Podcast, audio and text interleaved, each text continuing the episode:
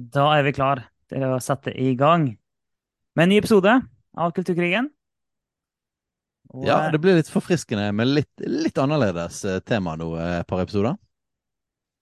Ja, og vi, vi har tidligere nevnt at vi, vi, skal snakke om Gå litt mer inn i, i det, liberalteologien og den typen ting. og det har vært en del snakk om det i det siste, så vi skal touche mer inn på det. Og så skal vi også touche inn på en del andre ting fordi at uh, siden sist så har det jo skjedd ting borte i USA. I Asbury ja. og andre steder. Der det, det, det, kommer mange meldinger om at Gud er på ferde. Det er ordet som vi er så glad i, i alle fall. Gode, gamle ordet vekkelse. Kan du, kan du legge mye i det. Vi skal gå masse mer inn i alle disse tingene her i denne episoden, og sannsynligvis et par episoder til. Ja, og eh, egentlig var det jo helt nydelig at den vekkelsesgreien eh, kom. For vi hadde tenkt uansett å ha et par episoder nå om vranglære og liberal teologi, og hvordan det liksom passer inn i hele denne kulturkrigssettingen. da.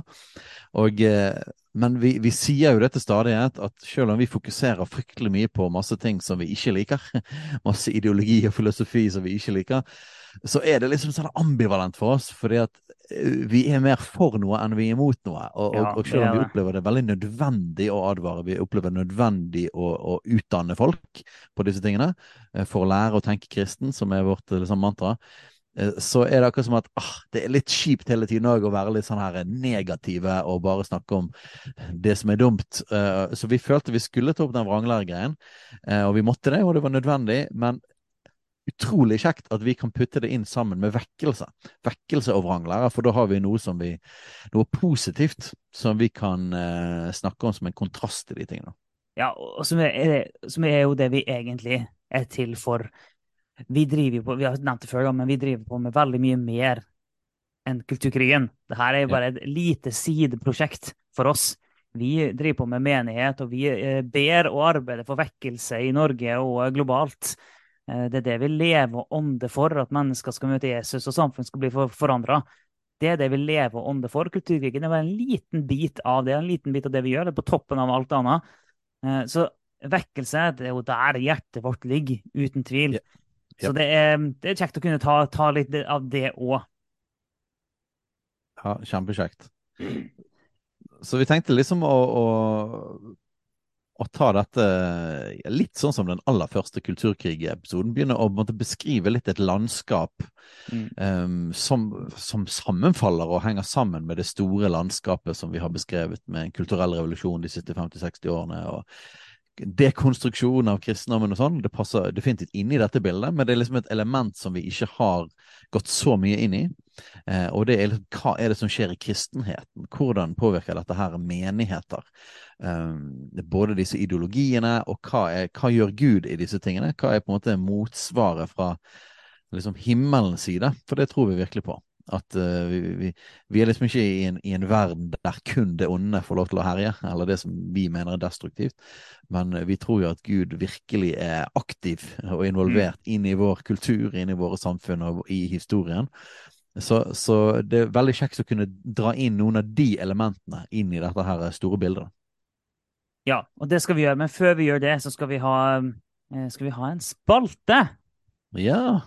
Eh, vi har tenkt eh, å, å, ha en slags spalte her hos oss, Kulturkrigens første og kanskje eneste spalte.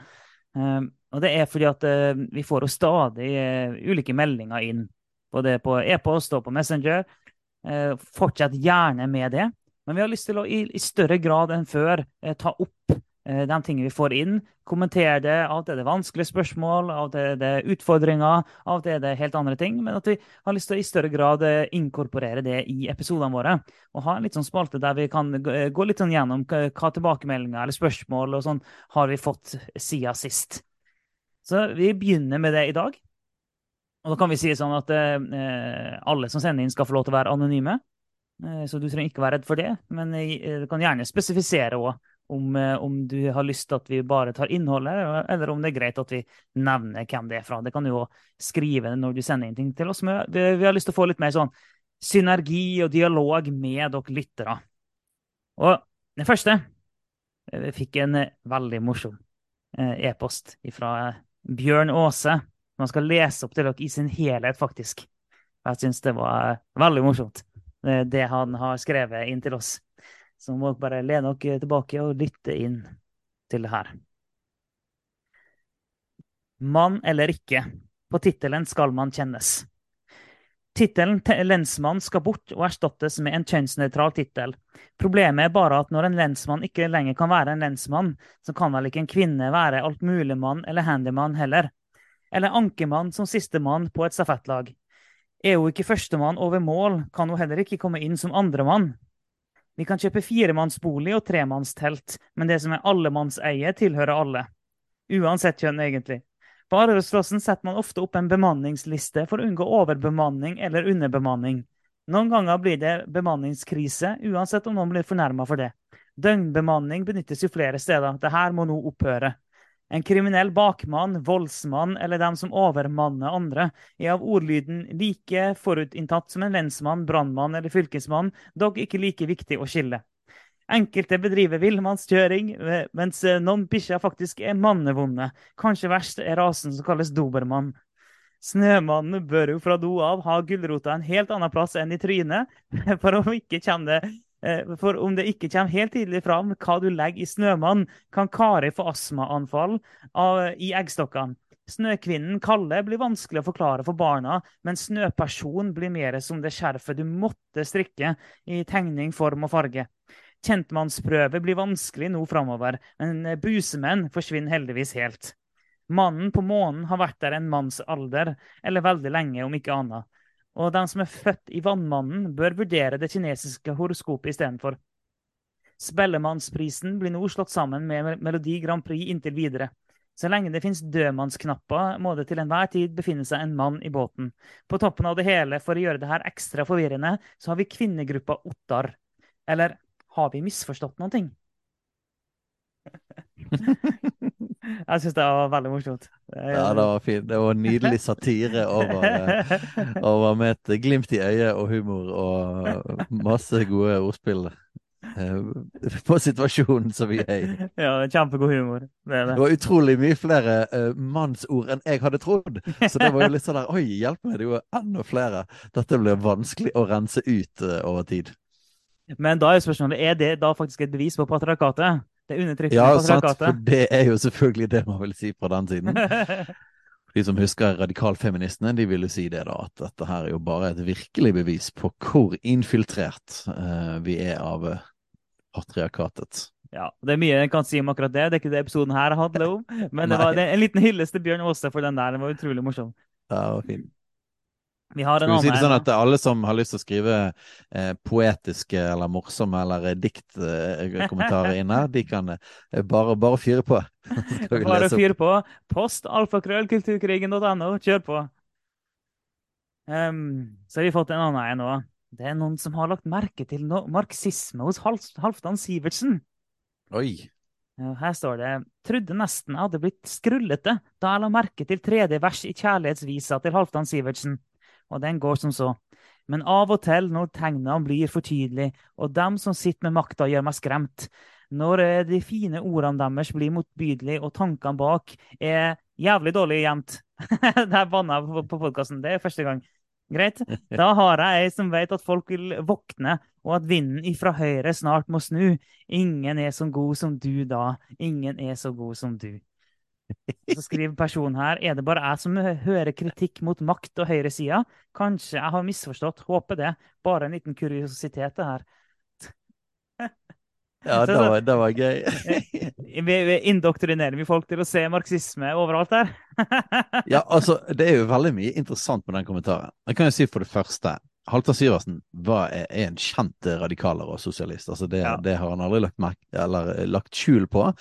Så vi kan jo dessverre bekrefte at det er marxisme, faktisk, å høre kritikk, vaktkritikk, som er sneker seg inn i kjærlighetsvisa. Det er jo ikke dette en av de aller mest elskede sangene i, i norsk historie?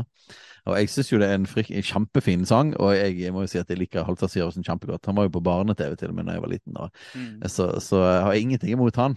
Men han er jo en klassisk nordnorsk eh, venstreradikaler.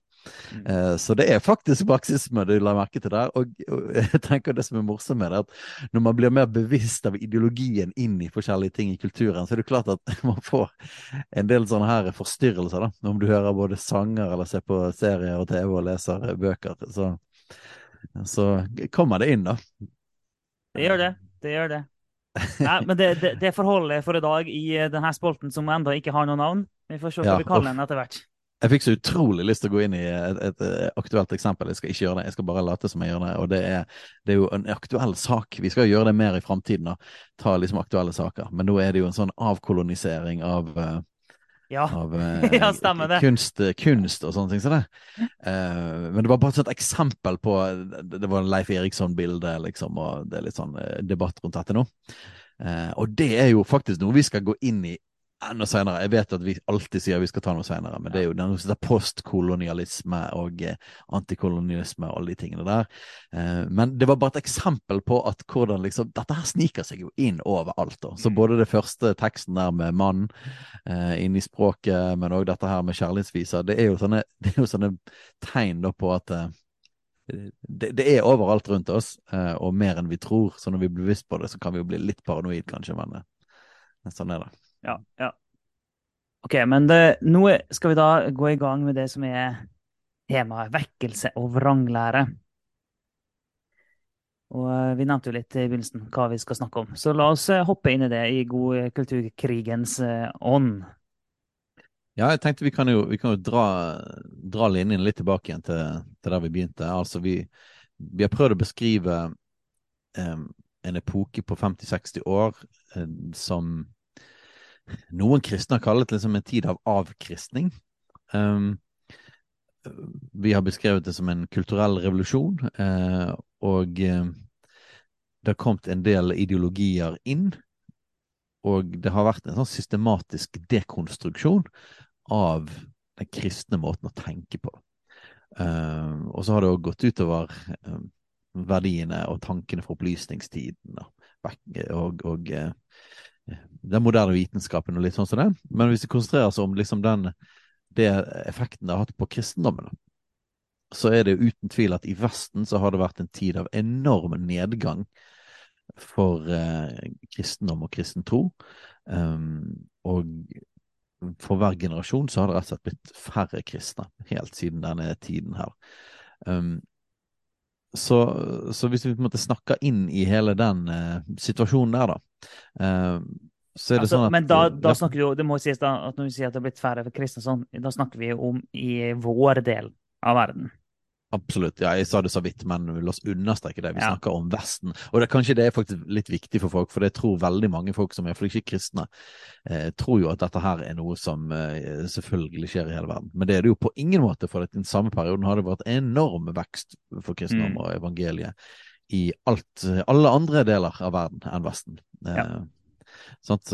Kina har jo hatt uh, historiens største vekkelse. Sør-Amerika store vekkelser. Uh, det samme gjelder Afrika, Midtøsten.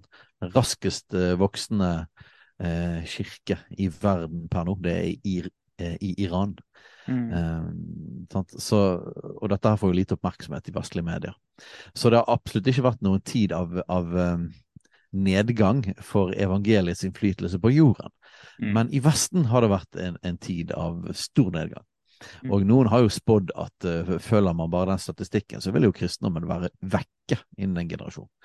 Um, så det er litt sånn som du kan se på det sånn statistisk sett. da. Men vi tror jo at uh, dette ikke bare liksom er en kulturell krig, en kulturkrig med kamp mellom forskjellige måter å se ting på, forskjellige filosofier. Vi tror jo at uh, det fins en gud på ordentlig. Uh, det fins en åndelig verden. Det fins det finnes noen elementer her som ikke bare er menneskelige. Og gjennom historien så har det alltid vært tider av ja, det Bibelen vil kalle frafall, da, der folk har forlatt Gud. Vi ser jo dette mønsteret òg i israelsfolket. Eh, som er på en måte en slags det, det, er historien om Gud og hans folk i Israel, men det er òg et slags bilde på menneskeheten eh, og hvordan vi på en måte fungerer. da, og hvis du ser på Israels historie, så det vært, eh, var det hele tiden tider av frafall. Veldig ofte var de tidene av frafall når det var velstand, materiell velstand, og det var fred og ting gikk bra. Og så når det plutselig gikk dårlig, da, økonomisk eller krig eller alle sånne ting, så plutselig begynte folk å søke til Gud igjen. Og så fikk du tider av vekkelse. Eller en reformasjon, av nyforfriskning, at folket vendte tilbake igjen til Gud. Og dette kan vi òg se på tegn på i verdenshistorien siden, og vi kan se tegn på dette i Vesten. Eh, så når vi beskriver en sånn, sånn epoke på 50-60 år av en sånn enorm nedgang for evangeliet i Vesten, og en eh, sterk inntreden av annen ideologi, som vi har beskrevet mye i denne podkasten, så er det liksom bare én side av historien. Mm. Um, men, men vi tror på en gud som er aktiv òg i Vesten. Uh, og vi tror ikke at siste ord er sagt i det hele tatt. Um, og, og, gjennom historien har det vært altså, bølger av vekkelse, at Gud kommer og vekker opp sitt folk. Mm. Den, den, resten av de kristne som fortsatt uh, blir stående. Uh, og at det blir en ny bølge av sterk innflytelse av kristendommen inn i land og kultur og sånne ting. Og det er jo på mange måter altså det er det vi lever for uh, her så lenge vi er her på jorden. Så ønsker vi å se det i, i Norge, vi ønsker å se det i Europa. Mm. Så det var ja. litt sånn stor, stor bilde, da. Ja, og og det er viktig å få, å få, sagt de tingene her. for at det, eh, når vi snakker om at det er en bølge som skyller innover frikirkeligheten med, eh, med vranglære eller eh, woke ideologi, eller hva du enn vil kalle det. sant? Um, og det, er jo sant. Det, det, er, det er, ting som skyller innover, og det er, det er et press på frikirkeligheten i Norge og i Vesten. Det er det. Men vi har noe som er sterkere. Det er litt sånn Ja, men den, den kraften som reiste Jesus opp fra døde, bor i oss. Og eh, Gud, som er over alle ting, er på vår side. Så det, det er ikke et sånn eh, dommedagsbudskap. Vi skal legge oss under en stein og vente på at det går over. Nei, vi er faktisk på vinnerlaget. Det vet vi allerede på forhånd. Vi er på vinnerlaget. Så det, vi, vi, skal ikke være på defensiven og være passive og um, pessimistiske i møte med det. Vi skal vi skal se realitetene i, øye, i, øynene. Det skal vi. Vi skal se realitetene sånn som de er. Vi, og vi, vi må, altså, virkeligheten er det den er. Men vi, men vi har noe som er større og sterkere på vår side. Så det er viktig. Så i møte med alle ting med ideologier og vrangler og hva enn det er som, som, presser på, så har vi noe som er større og sterkere. Og det er Gud på vår side. Og en av måtene Gud virker på, det er gjennom vekkelse. Og ja da, eh, Gud virker definitivt i det hverdagslige. I, eh, gjennom eh, gode praksiser og vaner hos den kristne. Gjennom åndelige disipliner. Gud virker helt klart gjennom det, og det skal vi ha. Det underviser vi, det forkynner vi, og det praktiserer vi. Alt det gjør vi, det skal vi gjøre hele livet. Absolutt. Men samtidig så tjener vi en suveren Gud. En Gud som er over vår forstand og en Gud som er utafor hva vi kan fatte og hva vi kan tenke. Og vi vet gjennom hele historien så velger Gud av og til å komme på en ekstra måte. Ikke spør meg hvorfor. Spør Gud om det. Vi bare, vi bare anerkjenner at det skjer, ja, og vi ser at det skjer. Og det er opp gjennom historien. Eh, les litt eh, kirkehistorie, litt vekkelseshistorie, så vil du finne utallige eksempler på at Gud gjør spesielle ting på og, og så det klassiske er jo sånn her med Ja, men eh, sånn, eh, Gud er jo alle steder nærværende, så han kan jo gjøre det overalt. Hvorfor skal vi bry oss om at Gud gjør noen ting ett sted, og han kan jo bare gjøre det her og det hele den greia der. Det skal vi snakke litt mer om senere, tenker jeg. Men det er sånn, ja da, det er helt sant. Samtidig så bare ser vi gjennom hele historien. Av og til så gjør Gud noe ekstra på noen, på noen steder i en periode. Og det skal vi eh, juble over og glede oss over, og Gud virker på den måten. Spør han hvorfor, ikke spør oss. Det er bare sånn han virker. Ja, og, og, og sånn har det virkelig vært gjennom hele historien. Eh, eh, Gud har grepet inn, og veldig ofte når det har sett veldig usannsynlig ut, rett og slett. Mm. Eh, og jeg nevnte eksempelet fra, fra, Israels historie. Men altså, vi ser dette òg i, i senere historie. altså at, at, de fleste vekkelser Det er jo noe som kalles vekkelseshistorie, og det er jo da på en måte historiene om mange sånne ganger der Gud virkelig har grepet inn, og hele byer og samfunn og land har blitt forandret. Eh, og dette har skjedd gang på gang rundt omkring i verden. Og, og veldig ofte så, det, så, skjer disse tingene når det ser mest usannsynlig ut, når det ser liksom så mørkest ut fra, fra en kristen uh, synsvinkel. Um, og, og det er nok noe i oss som er på en måte noen kaller oss for fundamentalistiske kristne. Vi vil heller kalle oss vekkelseskristne. Det vil si vi, vi, vi tror på en aktiv Gud som er aktiv i historien, og vi lengter etter hans inngripen i vår verden. Og eh, for oss så er det sånn at jo, jo, jo verre det blir, jo mer lengsel får vi. Eh, og kanskje òg en større forventning om at Gud kommer til å gjøre noe eh, dramatisk. Og det er jo til og med sånn på våre, liksom, våre venner når vi prater sammen og i våre tråder, så er det sånn her vi, vi snakker, alt, Det er et sånn fast begrep. da, Vi snakker om ok, hvis denne utviklingen fortsetter, så vil det og det skje. sånn at Du ser på en måte de linjene. Men, men vi, det, er sånn, det, er litt sånn ulovlig nesten hos oss da, å si det uten at med mindre vekkelse bryter inn, mm. så vil utviklingen gå sånn. Mm. Fordi at vi, vi, kan på en måte ikke bare snakke om en naturlig utvikling uten å ta inn det elementet. At vi, vi tror på en gud som griper inn i historien. Det definerer jo alt. sant? Vi, ja, vi driver på med det vi gjør, og ja, vi tar våre valg. og som han sa, Ja, vi har våre praksiser, og ja, vi leser Bibelen hver dag, og ja, vi ber, og vi gjør alt det her. Og det, det, det skal sies at det er ikke ut fra strev, det er ut fra glede å gjøre det, og ha en daglig relasjon til Jesus. Men vi tror jo ikke at det at vi er så flinke, er det som forandrer verden. Nei, det er jo Gud som gjør det. Det er jo han som griper inn i menneskets liv. Og noen kan nå tenke at det er sånn her eh, vekkelsesjag. Men det oppleves ikke sånn. Det er ikke sånn det oppleves. Det oppleves som at vi er trofaste i våre hverdagsliv sammen med Jesus. Og så vet vi at han er suveren, og han ikke bare kan, men han vil òg gripe inn i livet til folk, men òg eh, i menighetene våre, i byene våre og i, landene, i landene våre. Det har vi sett igjen opp igjen. Hele historien, det vil han gjøre. Og vi er bare trofaste med vår greie, vi bygger menighet, og vi er trofaste, vi forkynner Guds ord, og vi elsker Jesus, og vi elsker våre venner og våre naboer. og sånn. Det gjør vi hver dag uansett, helt til vi dør. Så vet vi at Gud griper inn når han vil, og det er en glede. Ja, og det er jo, det er jo en sånn viktig sånn her eh, tosidighet, da. At, eh, at vi tror på liksom den eh, menighetsbyggingen og gjøre det Gud har kalt oss til å gjøre, og, spre budskapet om Jesus. og på at Vi gjør alle de tingene, og det fortsetter vi med uansett, uansett hva er omstendighetene, uansett hva situasjonen er. Eh, og så samtidig, sånn parallelt med den på en måte trofaste lydigheten, så, så, har vi en lengsel etter Guds suverene inngripen. Og, og klart, vår lengsel, hunger og vår bønn tror jo vi eh, kristne at det, det spiller sammen med. da. Altså, det, vi kan på en måte ikke skape vekkelse. Vi kan ikke på en måte Det finnes en sånn suverene inngripen fra Gud som ikke vi har kontroll over. Vi vet ikke hvordan eller hva eller hvordan. Men, men, men, det vi kan, det er at vi kan lengte og vi kan be. Og vi, vi har jo løfter gjennom Bibelen at, at vår, vår, bønn har noe å si. Eh, men vi vet aldri når det kommer til vekk. Vi vet, vi vet aldri liksom nøyaktig hvor lenge må du be, da, og hvordan, ser det ut. Nei, det vet vi ikke. Men vi vet det at Gud svarer bønn, og vi vet at alle vekkelser som har skjedd, da har det alltid vært en historie av intensiv bønn mm. om Guds inngripen før det. Eh, og det er jo grunnen sånn, ja. ja.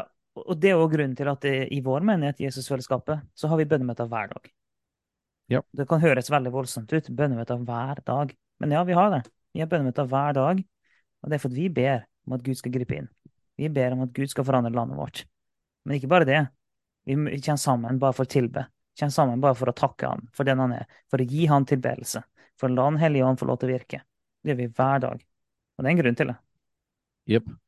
Uh, og, og, en interessant ting, da, fikk vi liksom fra vårt sånn klassisk kristen perspektiv. Uh, men en sånn morsom ting er det at uh, liksom inn, koblingen til kulturkrigen da, er jo det at Jordan Peterson, som vi av og til har sitert i, i podkasten vår, som er jo en, en, viktig stemme i kulturkrigen. Og, og, er det sånn at du Hvis du liker denne podkasten, så er det stor sannsynlighet for at, du, for at du liker ting han har å si, for det samsvarer veldig ofte med klassisk kristentro. Um, hvis du ikke liker så godt det vi står for, så er jo sjansene store for at du eh, skyr Jordan Peterson som pesten. han er ikke veldig populær i en del kretser. Så, um, men vi liker han, da. Det betyr ikke at vi står for alt som han står for, men, eh, men, vi liker at han er en tydelig stemme for en del klassisk kristne verdier. Og han er jo litt sånn Er han kristen eller ikke kristen? Det er litt sånn eh, ja, det er litt vanskelig å si. Uh, han, han, vet, han, vet, ikke helt sjøl. han vet ikke helt sjøl. Spørs hva man mener og sånne ting. Svarer liksom han med, på det, da. Uh, han er iallfall Han er close, uh, men det, vi vet ikke helt om vi vil kalle han en, en, en kristen. Eller iallfall en født på ny kristen, disippel av Jesus.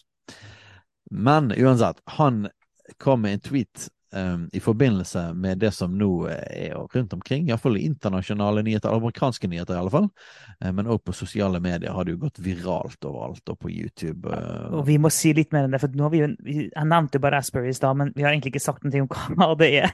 ja, ja, det er det jeg tenkte. Så jeg tenkte vi kunne eh, si litt om det da, i forhold til det med vekkelse. Uh, og da sier, også, og dette blir sånn koblingen til kulturkrigen, da, siden John Peterson som sier dette, ikke bare en av de mange forkynnerne og kristenlederne som vi òg følger, og som kommenterer dette. Men Jordan Peterson sa altså for to dager siden, eller tweetet, da Has the next great revival begun at Ashbury?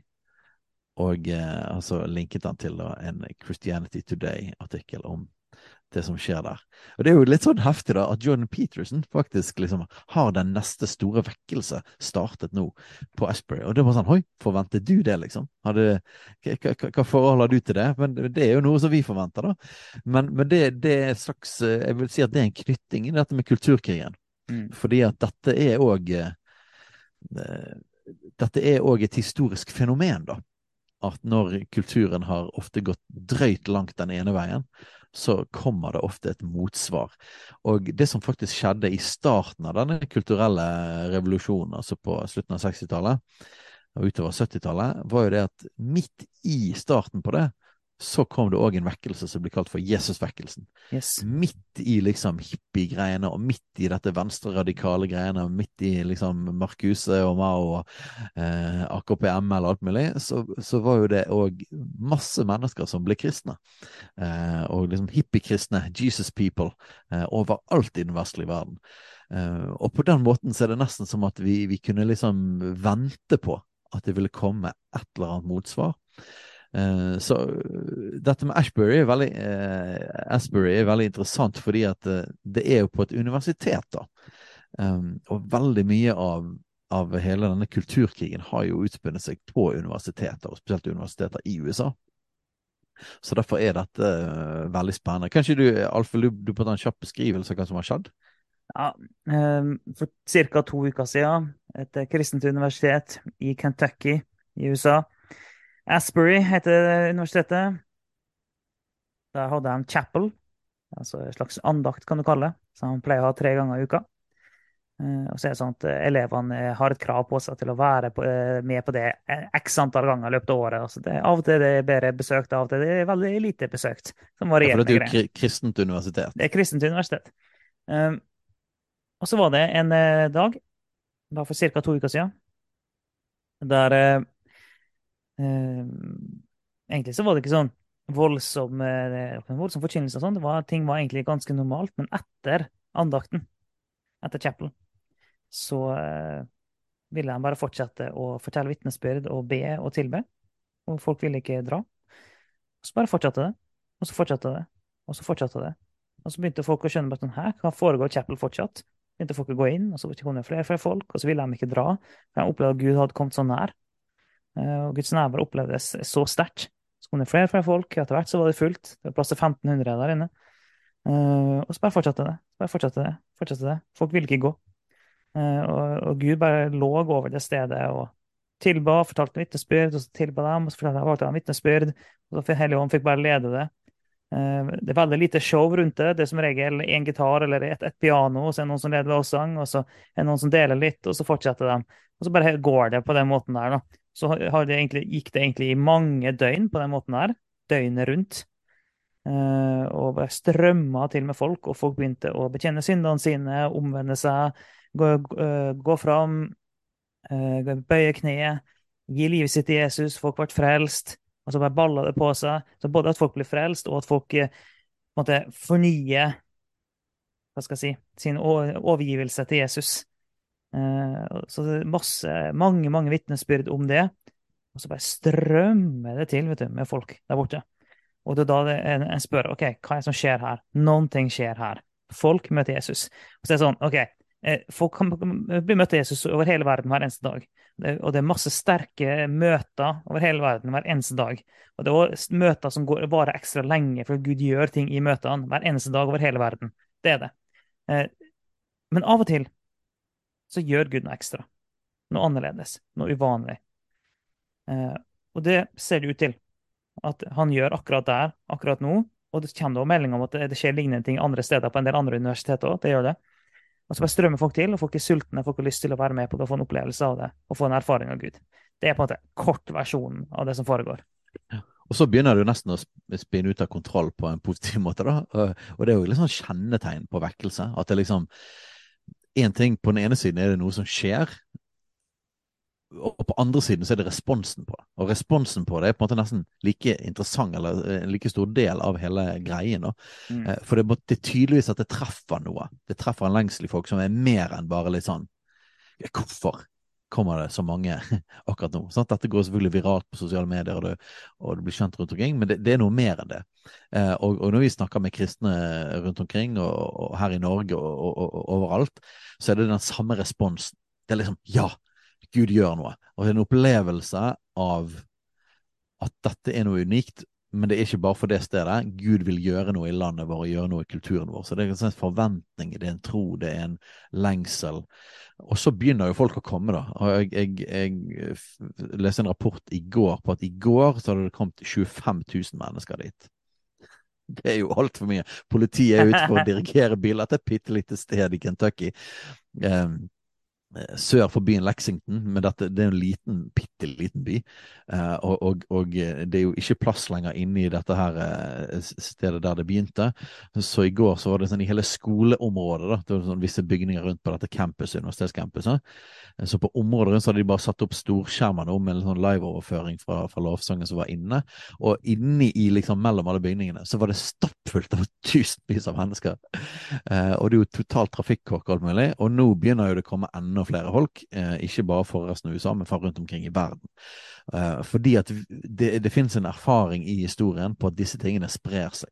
Mm. Eh, ikke bare fordi at vi liksom hermer etter det, men at rett og slett vi opplever sånne utbrudd av, av Guds kraft og Guds mm. nærvær som sprer seg rundt omkring. Og det har vært mange sånne vekkelser gjennom historien. Eh, så på en måte det ene, ene siden er det som på en måte skjer der, og så den andre siden er på en måte responsen på det. Som er egentlig som er det som gjør at det rett og slett går videre. Jeg hørte, jeg hørte en fortelle om eh, Det var han eh, Daniel Kolender som har tatt over etter evangelisten Renat Reinert Bunke, som er kjent for mange, som er død nå. Han, han reiste opp dit ganske kjapt. Og så fortalte han om noe som kalles The Great Awakening og The Second Great Awakening i USA, som er en av de, mm. to av de store vekkelsene i USA. Som har forma USAs historie, kan du si. Ja, virkelig. Virkelig formet USA. Og, og, så sa han det at det var veldig interessante konsepter i de. Det var det at um, måten vekkelsen spredde seg, var at folk som var der og opplevde et møte med Gud, og opplevde å se det de sa, de dro hjem til, sitt, til sin menighet, til sitt sted, til sin skole, og så fortalte de om det som skjedde. Og når de fortalte om det som skjedde, så brøt det løs der. Så det ble en slags sånn uh, selvoppfyllende profeti, nesten, om at alle som opplevde det og fortalte om det, da skjedde det der òg. Og så bare spredde seg og spredde seg og spredde seg. Og det er akkurat det vi ser tegnene på nå. Eh, I går kveld, hvis du forsto det rett, så skulle de ha en, en, et, et, møte som var live-overført derfra til 800 andre universitet i USA. Eh, der de òg samlet da, fulle auditorium eh, og var med på live-overføringen og skulle be om at det samme skulle skje der. Så det er jo ganske, det ganske sånn her viralt. da når det er 800 universitet som er med på den uh, liveoverføringen.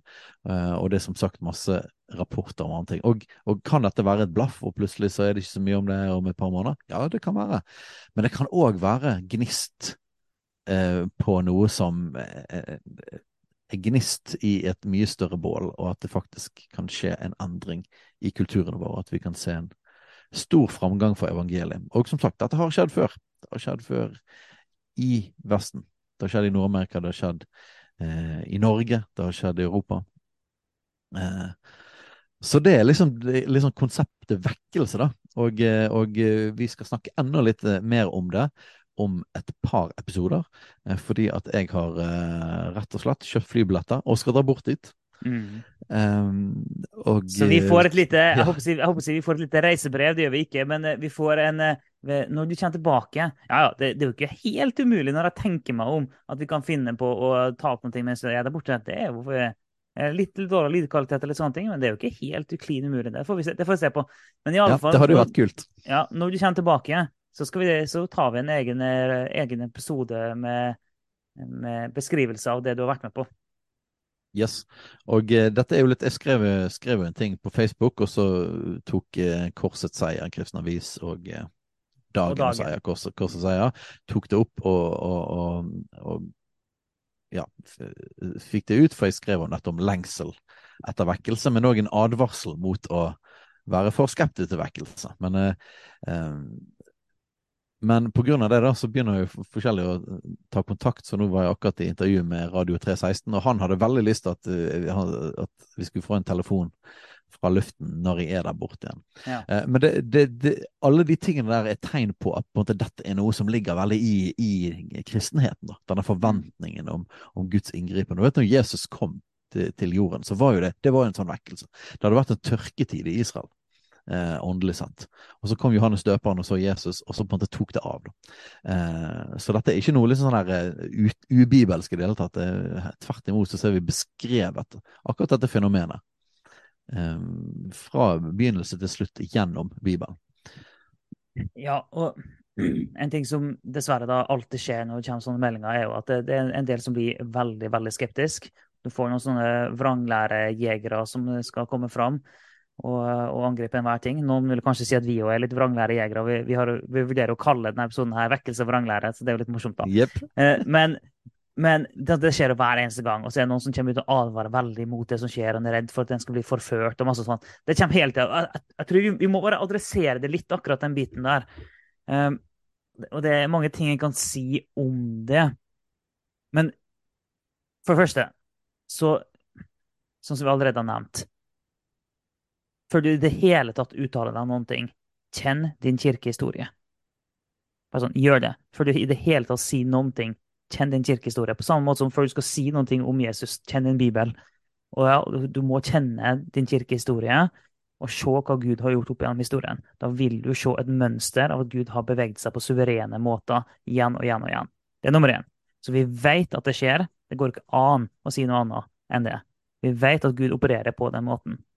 OK.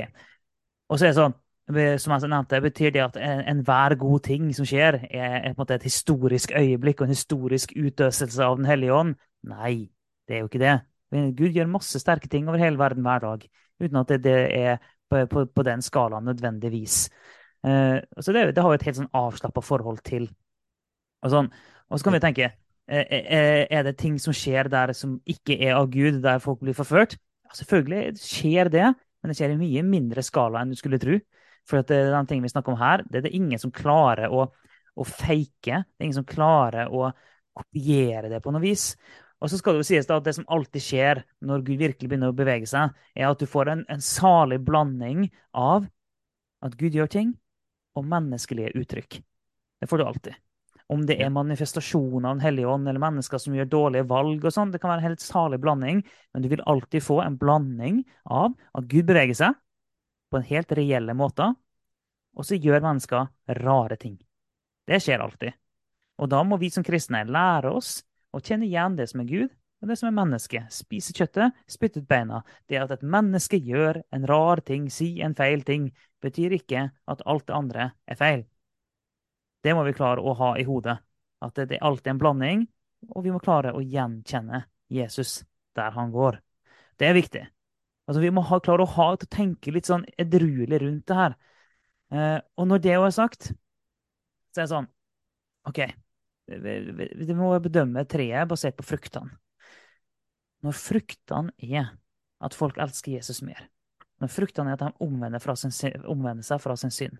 Når fruktene er at mennesker blir frelst, gir sitt liv til Jesus. Når det er fruktene, så er det vanskelig å si at det her ikke er fra Gud. Betyr ikke at det er perfekt. Betyr ikke at det mennesker gjør rare ting. Det kan godt skje, men vi må kunne anerkjenne at her er Gud på ferde. Og det er jo, det er jo litt sånn det, nå har jeg en monolog her. Det er så mye jeg har lyst til å si. Så du, du, skal, få, du skal, få, du skal, få, ordet, du og Steinar. Men, ja, men jeg har ofte men, monologer. Så ja, men det er Og så har du denne greia med at når Gud gjør noe, Hvis vi sier at noe som Gud gjør, ikke er av Gud, hva er det vi da sier? Da sier vi at det er djevelen, da. Det er det vi gjør. Ja, og Hvis- noen sier jo det direkte òg. Ja, Noen er sier det sånn direkte òg, og snakker om Mm. at det er demonisk og sånn. OK. Da bør du gå til Bibelen og lese om når, eh, historien om Jesus. Og eh, når de eh, sa det, når han, de anklaga Jesus for å være fra Satan, og at det han gjorde, det gjorde han gjennom Belsebub. Ok, da må du lese det, og hva som står der. Det er det, det, det, er jo det som ofte blir kalt den utilgivelige synd. Eh, og det er noe av det mest dramatiske og alvorlige en person kan gjøre. Det er å ta en ting som Gud gjør, og si at det er Satan. Noe verre kan en person nesten ikke gjøre. Det er en av de aller heftigste advarslene som finnes i Bibelen, er akkurat det. Og det er derfor vi er litt sånn her Vær forsiktig med å si sånne ting. Vi sier ikke at alt er perfekt. Vi sier ikke at alt er av Gud. Vi sier at det er en salig blanding.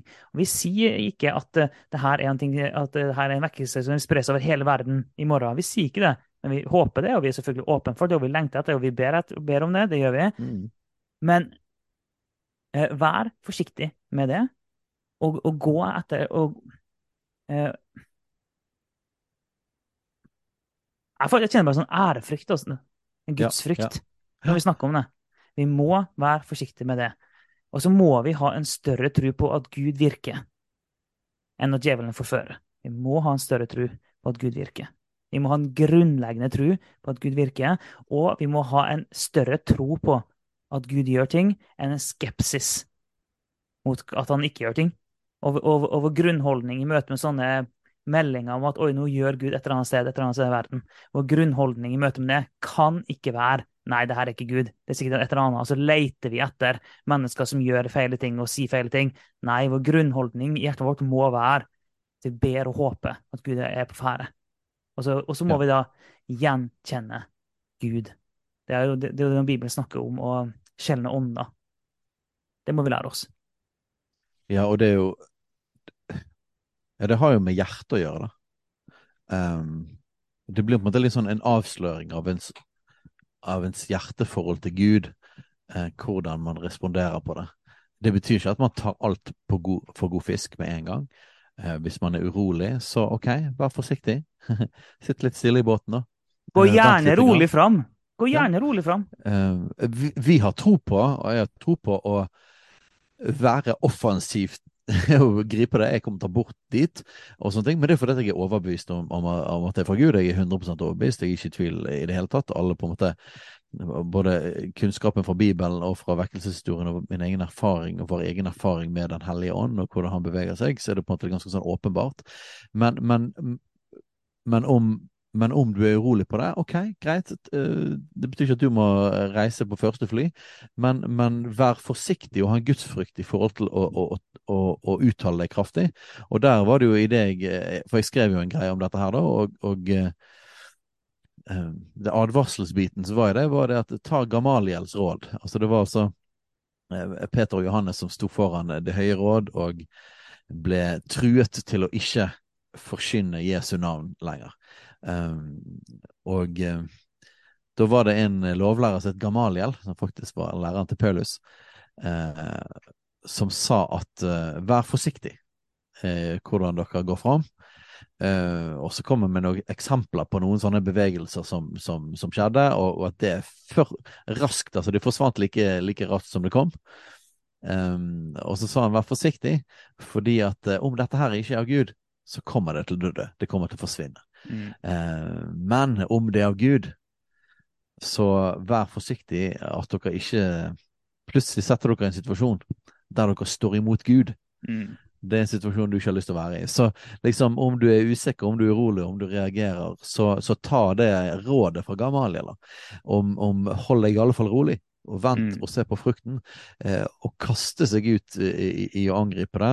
Eh, ja, man, vær, for, vær forsiktig i forhold til det. Og som Alf Kåre sa, det er, det er en alvorlig ting å tale imot og stå imot når Gud virkelig beveger seg. Kanskje dette er eh, en bit av eller en start på at Gud virkelig gjør noe i landet vårt. Og alle som virkelig tror på Jesus, eh, skulle jo juble og Mm. ønske det velkommen, om det er det det er. Og om det bare er et litt sånn eh, over, overdrevet eh, langt møte med, med supervekkelseshungrige folk som kommer for å søke Gud og be, og det blir ikke, det blir ikke noe mer enn det, så tenker jeg ikke all verden kan jeg skade, da. Eh, Ja, for det er liksom, Det er liksom- Worst case scenario her er at masse mennesker har fått et møte med Jesus. Det er det verste som kan skje her. på en måte. For det, Ja. det er sånn At masse mennesker har fått fornya sin kjærlighet til Jesus, og at mennesker har blitt frelst. Altså, Det er det verste som skjer. Og det er fullt av vitnesbyrd om det. Så om det sier i hermetegn det er bare det som skjer nå i noen uker framover, og, og så roer det seg litt ned, ja, men det er jo fantastisk uansett. Og det er litt sånn uh, Hungeren og lengselen vi ser rundt omkring egentlig hele verden med folk som responderer på det her, det er jo helt nydelig.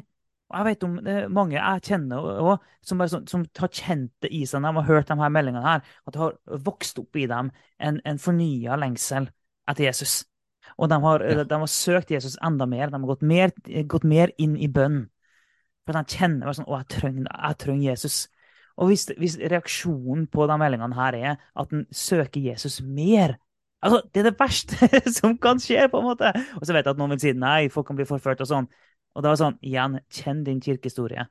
Eh, ja, det har skjedd, men sammenligna med, med de reelle verkene av Gud, så er det en sånn forsvinnende liten andel. Dessuten så er, er aldri fokuset vårt på å finne ut hva som er falskt. Fokuset vårt er alltid på hva er det som er ekte og sant. Vi legger all energi inn på hva er det som er ekte og sant, for at da vil vi gjenkjenne hva som ikke er ekte og sant. Så vi Ja. legger alt fokus inn på å kjenne Jesus, for da vil vi gjenkjenne når det ikke er Jesus, istedenfor at vi bruker masse energi på å finne ut hva er det som ikke er Jesus her. Nei, det gjør vi ikke. Ved å fokusere på Jesus, så vil vi merke hva som ikke er Jesus. Det er måten en skal møte vekkelse på. Ja, men eh, nydelig. Det var kjekt å få, prate litt om det, og hvordan deale med dette med, med vekkelse. Hvordan, hvordan tenke òg på en bibelsk sunn måte eh, i forhold til det. Og så kan det være masse folk som eh, er fryktelig uenige med dette her, men vi må iallfall kunne si det at eh, klart man kan anklage oss for å drive en forførerisk eh, menighet og holde på med forferdelige ting. Men, men vi, vi må kunne si at vi har en viss erfaring med å lede og med å disippelgjøre, med å forkynne evangeliet, og se mennesker som både blir frelst og begynner å følge Jesus. Og vi har en viss erfaring med å, å oppleve at Den hellige ånd beveger seg og gjør ting. Eh, så vi snakker liksom ikke, vi er ikke bare to stykker som bare snakker ut i luften. Vi, vi har jobbet lenge med bibelskole og menighet og sett forskjellige eh, sånne epoker òg av at Gud har beveget seg. Så så jeg, jeg vil påstå at vi har litt grann, uh, autoritet uh, på, på å snakke om dette området. Mm. Og så får man heller bedømme det på fruktene. Ja. Um,